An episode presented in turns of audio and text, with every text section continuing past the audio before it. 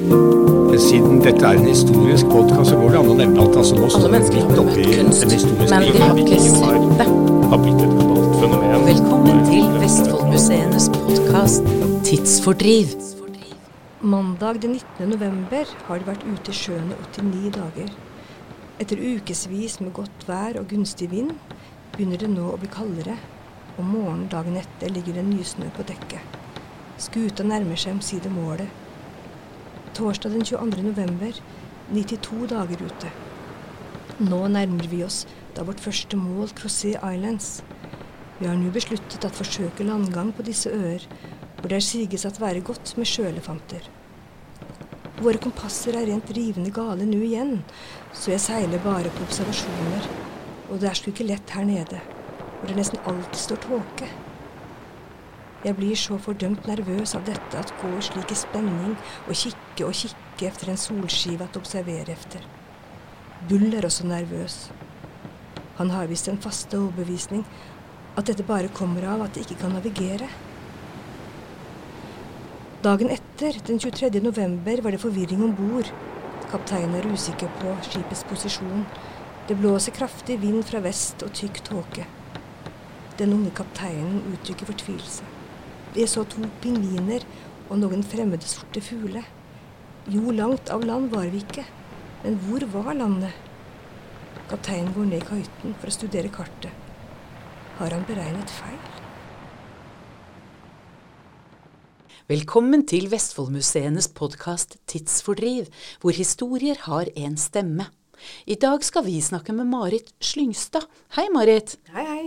Du er historiker og arkivar ved Vestfoldarkivet i Vestfoldmuseene. Stemmer det? Det stemmer, vet du. Og foran oss i dag så ligger det en fantastisk dokumentasjon i ord og bilder. Hva er dette for noe? Ja, det er en, eh, en dagbok som, eh, som, vi fikk inn til Vestfoldarkivet for en del år tilbake. Det, var en, eh, det, det er en dagbok som forteller om en fantastisk reise eh, i 1906-1907.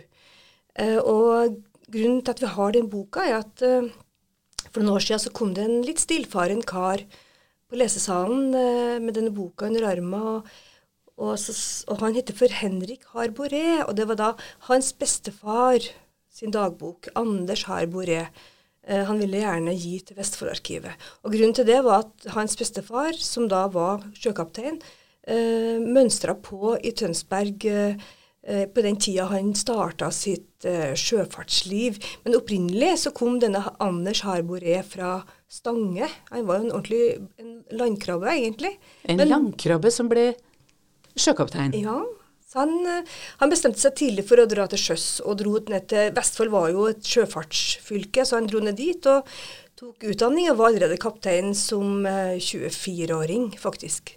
Han var ganske ung da. Mm. Ja, det har vi jo hørt før. Sven Foyn var jo kaptein like tidlig. Ja. Og han var jo også en av disse her sagnomsuste heltene. Men ja. denne fantastiske boka som du sitter med foran deg nå, kan du si litt mer om den? Ja, så det, altså, Anders Herboré, han eh, Altså, det, dette det, 1906 det var jo en tid hvor, eh, hvor man uh, søkte sydover til Antarktis, Sydishavet. Også i hvalfangstnæringa. Man hadde jo drevet med hvalfangst og selfangst nordpå, eh, altså Grønland, Island. Men eh, pga. overbeskatning eh, og få ekspansjonsmuligheter der, sånn, så venter man blikket sydover etter hvert. Uh, og eh, så dette med altså, så Harborés uh, prosjekt det var jo å fange uh, sjøelefanter og sel. Og gjøre en ekspedisjon sydover da. Uh, og på denne ekspedisjonen så skrev han da en dagbok. Var det vanlig at kapteiner skrev dagbøker, vet du det? Nei, altså, jeg tror ikke Altså, ikke den fasongen som vi har her. For det, dette er veldig mye sånn en dag, eh, dagliglivet om bord, ikke sant. Eh, kapteinene skrev gjerne rapporter hjem til, til rederiet og sånn, men eh, som var litt mer av formell karakter. Mens her er jo mer en dagbok som eh, gjør at vi kommer tett på livet om bord, hva de driver med, ikke sant, når de reiser ned. Eh, han beskriver hele reisa. Det er 14 mann til sammen og en, en skipshund da, som drar. En skipshund. Ja. Så det så du med en gang da, da denne unge Harboré kom for å gi dagboka eller dokumentasjonen til arkivet? Så skjønte du med en gang at dette var noe spesielt? Ja, jeg skjønte jo det. Han snakka litt om boka, han òg. Men jeg må jo si at uh, det som var litt artig, det var jo at jeg sjøl, da jeg begynte å lese boka, så ble jeg veldig fascinert underveis. For jeg visste jo ikke egentlig hva det var. Jeg snakka ikke så mye med han, uh, Anders, han Henrik Harboré, men, men uh, så for meg så var det ukjent. Jeg kjente ikke til han, jeg kjente ikke til Skute Katrine. Jeg kjente ikke til det området hvor de skulle reise til, nemlig nede ved Kerguelen, eller Crosséøyene langt der nede. Crosséøyene. Ja. Nå tror jeg du må hjelpe oss litt. Ja, det ligger Det er jo en skikkelig utpost. Det er ca. Altså, det ligger mellom Syd-Afrika, altså øst for Syd-Afrika, og vest for Australia.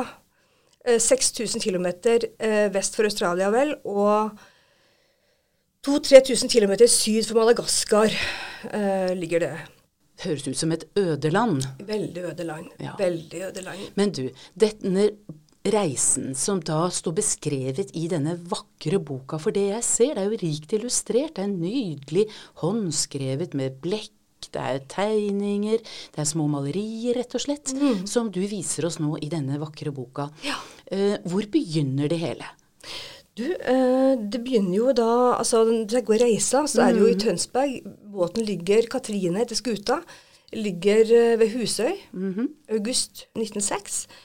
Og det, han innleder da å skrive om at nå er de klare for avreise. De har jo ordna med proviant og utstyr.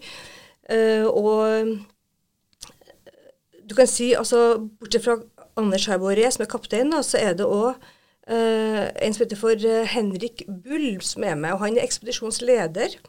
Han var forretningsmann og reder fra Stokke opprinnelig, så han finansierte nok en del av det her, som ikke var så uvanlig da. Og så uh, har du Storm Bull, som er rederiet, da. Men uh, det begynner jo med bok om at uh, Bulls fru Bull er om bord, og dattera hans for å ta farvel. og og um, så begynner de da å legge ut av gårde. I været er veldig fint, og så drar de nedover. Han beskriver da den reisa ned. Uh, de starter i da strålende vær, og Stuerten baker brød, og de, de eh, dorger makrell, og, og, og beskriver turen som en veldig, sånn, veldig idyllisk, da. Men fortell meg, altså Mm. de seiler fra Husøy eh, og da retning Antarktis. eh, men hva er målet for reisen? Altså hva, hva skal de? Er, det, er, det en, er det en vitenskapelig ekspedisjon? Er det en fangstekspedisjon? Hva er det for noe? Ja, altså eh, Det er jo sånn at på den tida så, så Vi er jo i en- i polaraventyrtida også. Sant? Stikkord her er jo kappløp, det er konkurranse om å komme først, eh, men også tjene penger. Og så er jo vitenskapen også De vitenskapelige miljøene interessert i å, å finne mest mulig ut om disse store, uoppdaga områdene.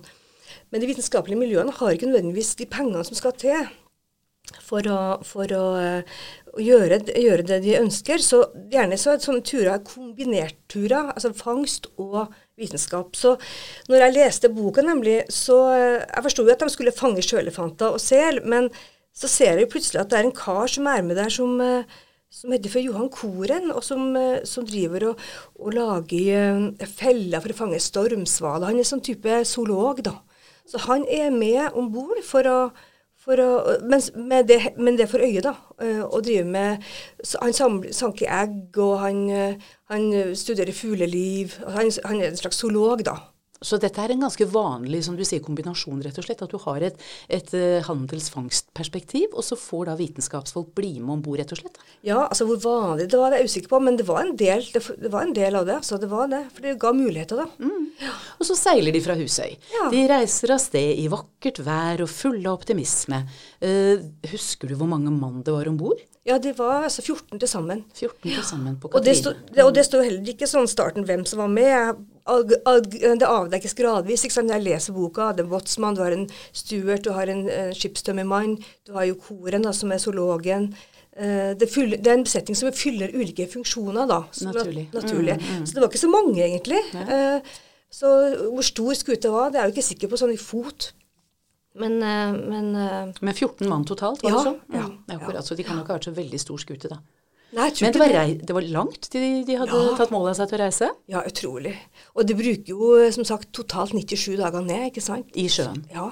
Og de bruker jo tida til I starten når det er veldig fint vær og sånn, så må de få tida til å gå. De gjør med kortspill, de konkurrerer på dekk. De får en badestamp opp på dekket når det begynner å bli varmt for å avkjøle seg. Eh, og så driver de og forbereder fang- fangstutstyret, da. Men det står noen ganske morsomme beskrivelser, gjør det ikke det, av sånne seremonier som man ofte har til sjøs? Jeg Ja. tenker på ekvatorpassasje, altså passering og sånn. Ja, det er riktig, og det er jo en eldgammel tradisjon. Eh, dette med når man passerer ekvator, eller linja som du sa, så, Mhm. så skulle de som ikke hadde gjort det før, om bord, de skulle da døpes. Og da eh, kommer Neptun om bord, da. Og da er det noen som har kledd seg ut, ikke sant. Og så skal de, han barbere de i den, I det tilfellet er det fem stykker, da. Er det fem som ikke har vært med, Ja, og så reiser de så langt? Ja. Ja da.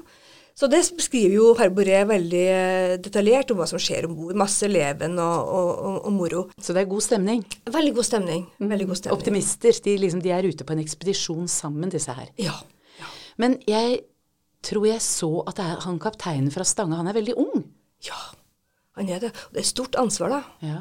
Eh, Fordi eh, han, er, han er vel en eh, ikke en 26, tror jeg, når han fer ut. Ja, eller, eller 24, kanskje. 24, Så, født 1881. Ja, ja, ja, Ja. ja. Mm. Eh, men, men alle er ikke så unge om bord. Nei, de er jo ikke det. Han, han og Henrik Bull sjøl, som er ekspedisjonsleder, da, uh, han uh, er jo 63. Å ja, så han er en erfaren Ja, han er erfaren. Han har gjort ekspedisjoner tidligere i Antarktis også. Her kan en jo se for seg at det kan bli litt spenningsfylt mellom så, en så ung kaptein Ja. uh, fra Innlandet, for å si det mildt, og med da en ekspedisjonsleder med mye erfaring. Ja. Men, men det går bra. Synes, ja, det, Ut fra det han skriver, så, så ser det ut til at det, tonen mellom dem er god hele veien, liksom. Og så passerer de da ekvator mm. og seiler videre sydover, og så hva skjer? Det blir jo, det blir jo eh, dårligere vær, Mm. ikke sant. Eh, det gjør det. Og, eh, og det begynner å blæsse opp, og, og de begynner, begynner å nærme seg eh, området Kerguelen eh, ja, og Crozéøyene, da, etter hvert. Og det- Det er, det er fransk territorium, stemmer det? Ja, det er det. Ja, akkurat. For det er jo noe med Jeg ante ikke at franskmennene hadde kolonier i det området der. Nei. nei. Så det er mye man lærer av arkiv. Ja, jeg visste ikke så mye om det heller, skjønner du. Nei, kjempegøy. Og da blir man drevet inn i dette her. Ja, ja. Det var utrolig interessant. Jeg må si det. Den, da, å lese den dagboka første gang. Og så må du studere Skrifta er jo grei, men eh, det er jo håndskrevet, ikke sant. Og under litt ulike forhold om bord. Så det, så det Den, den eh, dvelinga, da, når du også må studere skrifta i tillegg litt, den gjør det ekstra morsomt å lese det. Morsomt. Spennende. Ja. Hva finner jeg her? Men han, han kom jo altså han, han, han, var jo en, en, en fin fyr, eh, men han, jeg vet ikke om hans navigasjon var en sterke side. Eh, for han kom nok ut av kurs noen ganger. Eh, det skriver han om sjøl. Men eh, det, det, det, de kommer nå fram og eh, tar, bruker litt tid på å finne ut hvor de skal eh, være, fordi det er så værhardt. Og det er mye tåke, Tåke, masse tåke. Og eh, vanskelig å komme i land. Det er bratte stup på, på disse øyene. ikke sant? Så, så de bruker litt tid på å finne ut av hvor- de kan sette skuta. fordi de tenker jo å bo på skuta, og så skal de ro i land og fange disse sjøelefantene og selene. Og, og, og, eh, og ro den, og så gjøre det de må på land, altså jakte, da, og så, og så ha spekk og, og skinn tilbake til skuta. da. Og det de ser når de kommer ned dit, ikke sant, det er jo eh, altså langs Når de bestemmer seg for å gå inn i noe som heter for American Bay ved Possession Island, da, som er ei øy, det er en slags bukt, så, eh, så ser du jo alle disse hundrevis av sjøelefantene som ligger på stranda. Veldig Og, optimistisk, da. du, og de er giga. Vet du hvor store de er, eller? Aner ikke. Nei. Vet du, jeg måtte slå opp på disse sjøelefantene. Det er jo selfamilien. Ja. Um, de kalles elefantsel også, men sjøelefanter, da bruker han. Den kan bli mellom 2002 og 4000 kilo. Ja, så vi, altså mellom 3 og 4 tonn, rett og slett. Og de, de er oppunder fire meter lange. Og de heter elefantsel, fordi de har jo den der snuten som ser ut som en snabel. da. Ja. Så det er jo enorme, svære dyr. Og de dyra de fanger man fordi at man vil ha spekket, som du sier. Altså det er olja man er ute etter. Ja. Og så skinn da frakter ja. Så de, de ankrer jo opp der, og, er, da, og da er jo vi i midten av november. De har vært lenge ute i sjøen. Og først så, når de kommer dit, da, så, så um, tar de først en befaring på øya, ikke sant.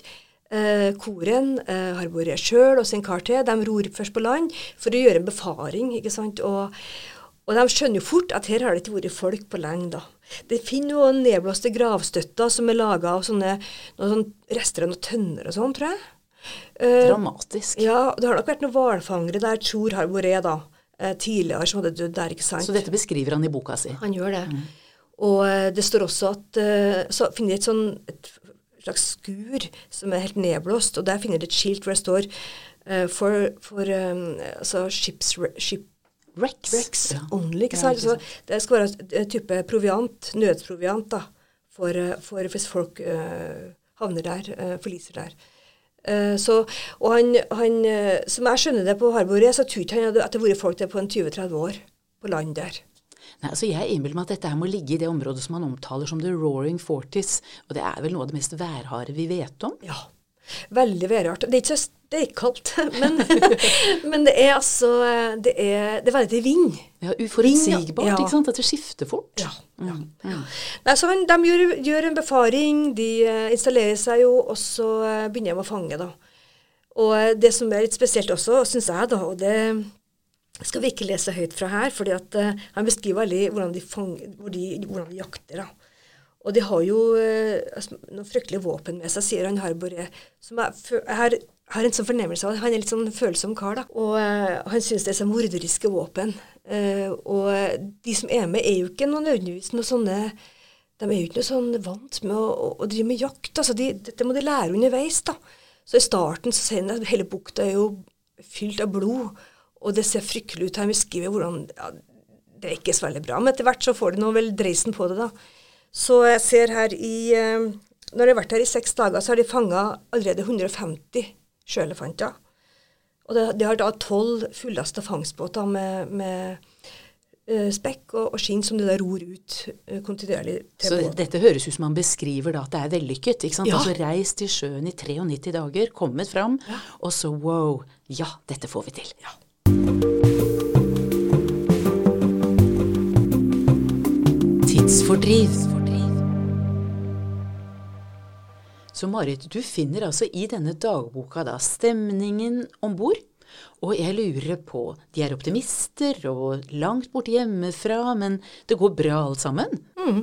Ja, det går veldig bra. De uh, jobber på, og de får uh, fanga mye. Altså, og egentlig, han skriver jo i dagboka at han er klar for retur uh, om ikke så mange dagene, tror han sjøl, da.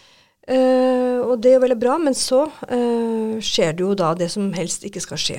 Eh, det kommer et voldsomt uvær. Ja, De befinner seg jo i et ugjestmildt område, og jeg må jo si at deres første møte med en gravplass må jo ha satt noen tanker i dem. Men hva er det faktisk som skjer? Ja, altså du vet, eh, båten ligger jo i utgangspunktet på et sted som er veldig utsatt også, for det er veldig vanskelig å finne noe som, som er le, da, ikke sant. Men han skriver i dagboka i mandag 3. desember 1906 da, at eh, vi har hatt en forferdelig natt, den verste i mitt liv. Så nær den visse død har jeg visst aldri vært, men Vår Herre berget oss dog.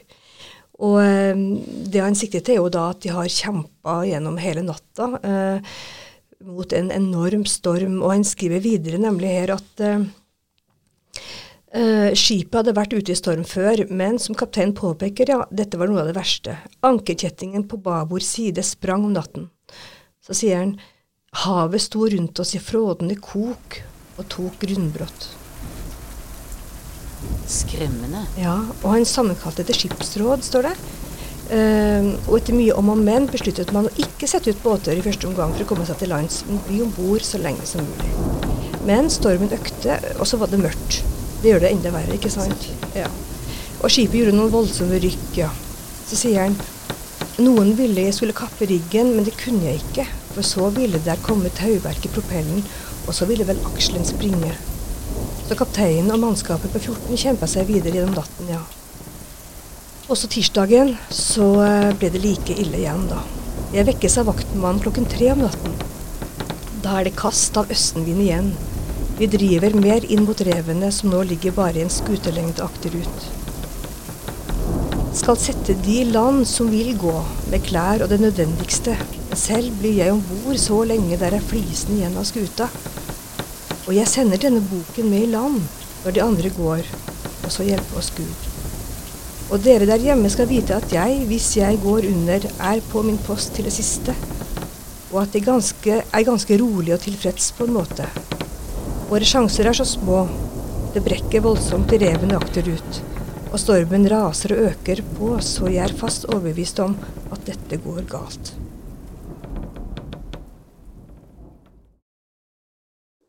Det er jo en dramatisk beskrivelse, men han virker som det står da han er rolig. Ja, han Og så har han da satt altså en av småbåtene uh, i land Mm. med noen av mannskapet. Ja. Og de, eh, de ror inn. Uh, og så er det noen som blir igjen.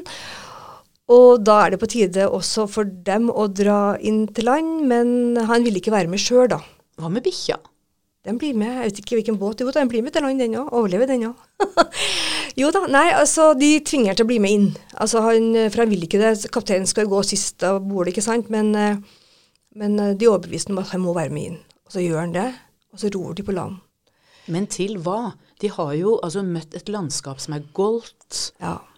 Og Det- han, han, eh, står det det at han, de redder seg? Er det sånn han uttrykker seg? ja. Til hva? Ja, til hva? Nei, det kan du si. Og eh, det er jo eh, et, et landskap og et, eh, et klima som eh, Altså, håpet om å overleve er vel liten uansett, da. Er vel lite. Men de klarer jo altså eh, De klarer å få med seg en del ting fra skuta og hive det oppi disse to båtene, som er på en måte fangstbåtene deres også, da. Eh, og kommer på land. eh, og det er klart for Harboré sjøl å stå og se på han beskriver hvordan skuta blir liksom eh, blåst, eh, hvis man kan bruke det uttrykket, da, på et, på et skjær. Eh, og så ser han at Katrine, som skulle ut og hete da, den brekker i to. Og hele lasta. Alt de hadde drømt om. Ja. Og det er klart det er nok tøft for en ung kaptein å se. Eh, men så blir det jo lysdag, og så ror de ut. For det, hele skipet er jo ikke forsvunnet. Så de ror ut, og så samler de opp da eh, vrakgods. Alt fra mat og, og forskjellige, ja, forskjellige ting som, eh, som de kan ha bruk for av uh, utstyr. da. Og så klarer de å bygge seg eh, en liten hytte. Av, de får med seg materiale fra kahytten på skuta og lager en, eh, en eh, provisorisk liten hytte. Også ved hjelp av den ene av disse lettbåt, eller fangstbåtene. da. Ehm, så de prøver å innrette seg der sånn. Og, men altså, de, de er da som sagt uh, langt ute i altså, i et verdenshjørne, og, og sjansen for at noen kommer forbi, ikke sant, det er jo liten. Men jeg fascineres jo av at han redder et blekkhus og en Ja. pennesplitt Ja. for å kunne dokumentere det som skjer. Ja. Og det jeg husker fra sånn flytende blekk, det er jo at når vann kommer på det, så er det jo ikke mye lesbart. Men denne boka har mirakuløst overlevd. Ja, ja, jeg har godt tatt godt vare på den, altså. Og du, og du kan jo faktisk da lese den og tyde den sånn at du vet det du forteller nå. Ja. ja. Men hva skjer så da?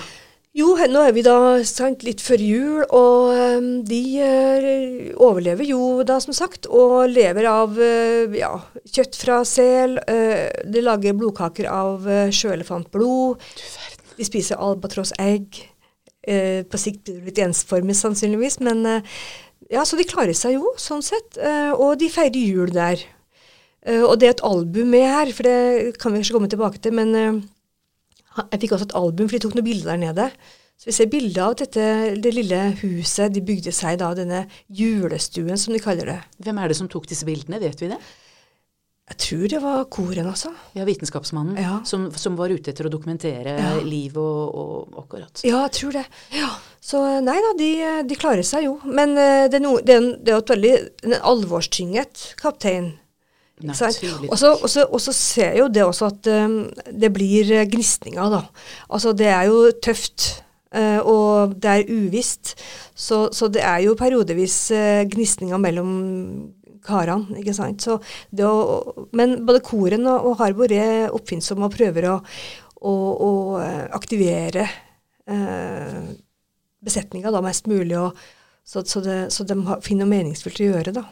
Og, og han godeste Bull, han holder andakt. Ja, ja da, han holder andakt, og han, han holder fatninga. Men Marit, de har altså forlist disse menneskene. Og de er 14 mann pluss en hund som har berget seg i land. Og så har de, hva i all verden tenker de nå? Hva gjør de? Ja, det er et godt spørsmål. Eh, nei, altså, denne unge kapteinen, ikke sant, han hadde jo et kjempeansvar. Eh, og, eh, og, han bestemmer jo seg for da at eh, jeg må gjøre noe. Jeg må, eh, jeg må eh, prøve å få tak i hjelp. Og det, da bestemmer han seg for at den ene lettbåten, eller den fangstbåten da, som de har har, har, den skal de forsterke. Og han har jo en sånn skipstømmermann med seg, og de gjør en jobb på den båten. og ja, skal vi si, jeg tror sånn i midten av januar, 1907 blir det da, så, mm. så, er de klar. Da tar de med seg to av de mest erfarne sjøfolka. Da blir de altså tre for å ta av gårde, for å se om de kan bli plukka opp av et skip. da. Og um, det øyeblikket når han reiser, de reiser, det er nok veldig spesielt. Jeg vet ikke hvem, hvor, hvem jeg ville vært, hvor jeg ville vært sjøl. Bli forlatt der, eller bli med den båten. Og den lille båten skulle altså seile i retning 6000 km til retning Australia? ja, sånn? Ja.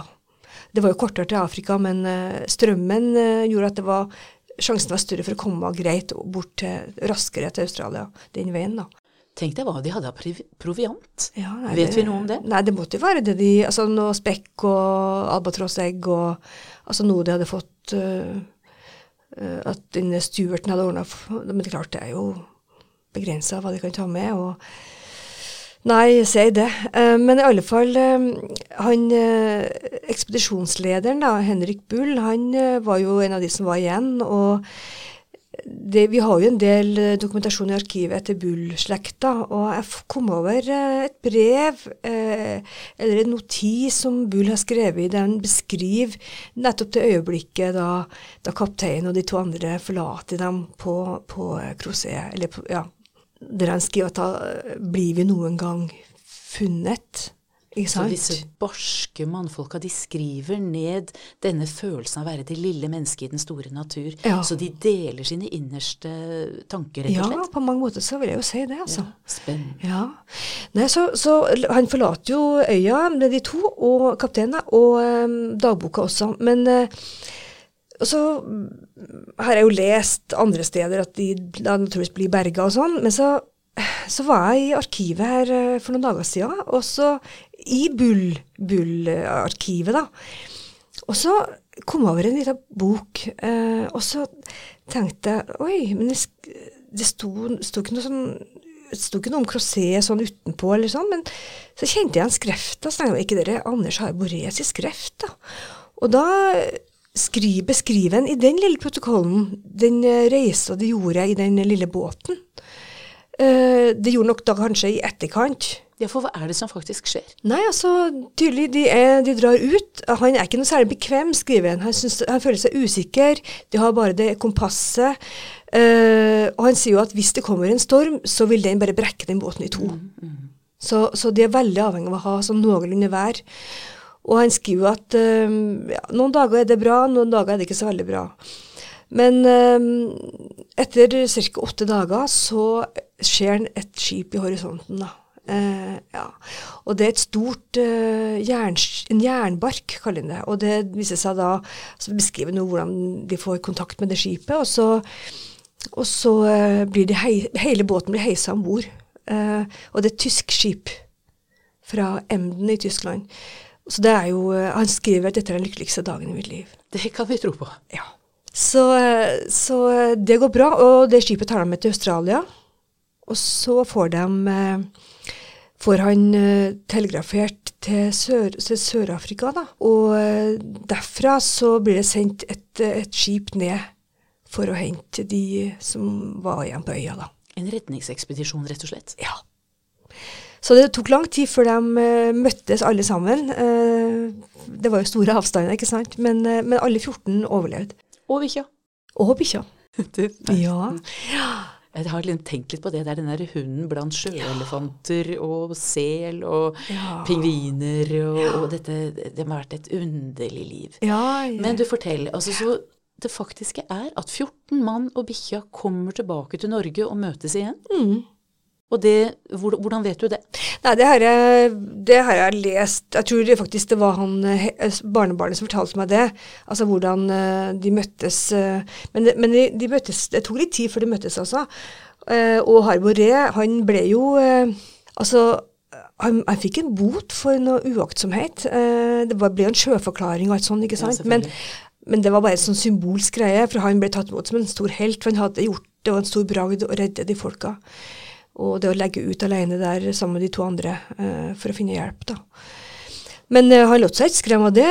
Jeg kjenner jo til Han, han, han jo, gjorde jo flere ekspedisjoner. Og det var ikke første gang Han, han forliste flere ganger også, men han overlevde jo uh, hver gang. Er barske folk. Ja, ja, ja. Det, det var, de var, altså, de var eventyrere også, vet du. ikke sant? Og tilbake til um, det folka, altså koren, som jeg ikke visste noe om. Han Johan Koren som har vært kjent med i dagboka, da, han zoologen, han, han øh, Født på Hvaler, jeg, jeg, jeg har gravd litt.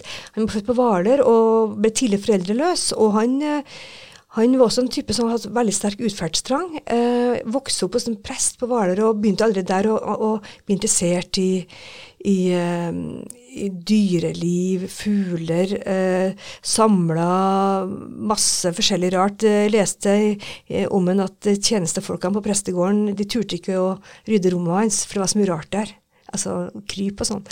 Men i alle fall, Ankoren han var med, han var med mm, Belgica-ekspedisjonen til Antarktis.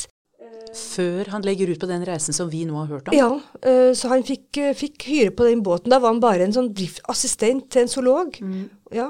Og på den uh, ekspedisjonen som en av de viktigste, man regner som en av de viktigste i Antarktis, da, det var 1897 til 98 eller 99, tror jeg så, eh, så, var også Amundsen med, men eh, Roald Amundsen, men da var han fortsatt ganske ukjent. ja. Så han hadde mye erfaring allerede som ganske ung, da han Johan Koren også. Men eh, jeg leste om han, altså han på, på, båten Han hadde jo med utstyr, han tok jo bilder. Han sanka egg, han tegna mye. Dokumenterte og gjorde undersøkelser på, på øya. ikke sant? Vitenskapelig arbeid. Absolutt. Ja.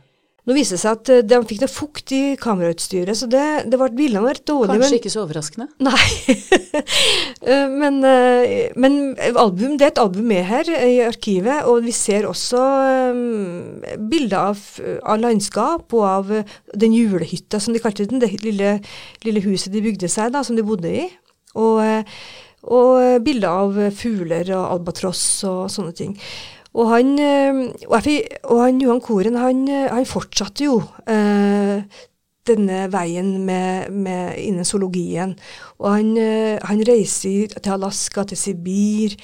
Han er i Pasvik. Eh, det er en som heter Steinar Wikan som har skrevet bok om den. Eh, Men altså, han lar seg ikke stoppe. For Nei. de er jo relativt unge, da, både kaptein Harbore ja. og da koren. Ja. Ikke sant? Det har vært unge mennesker. Og hva slags driv de må ha hatt ja.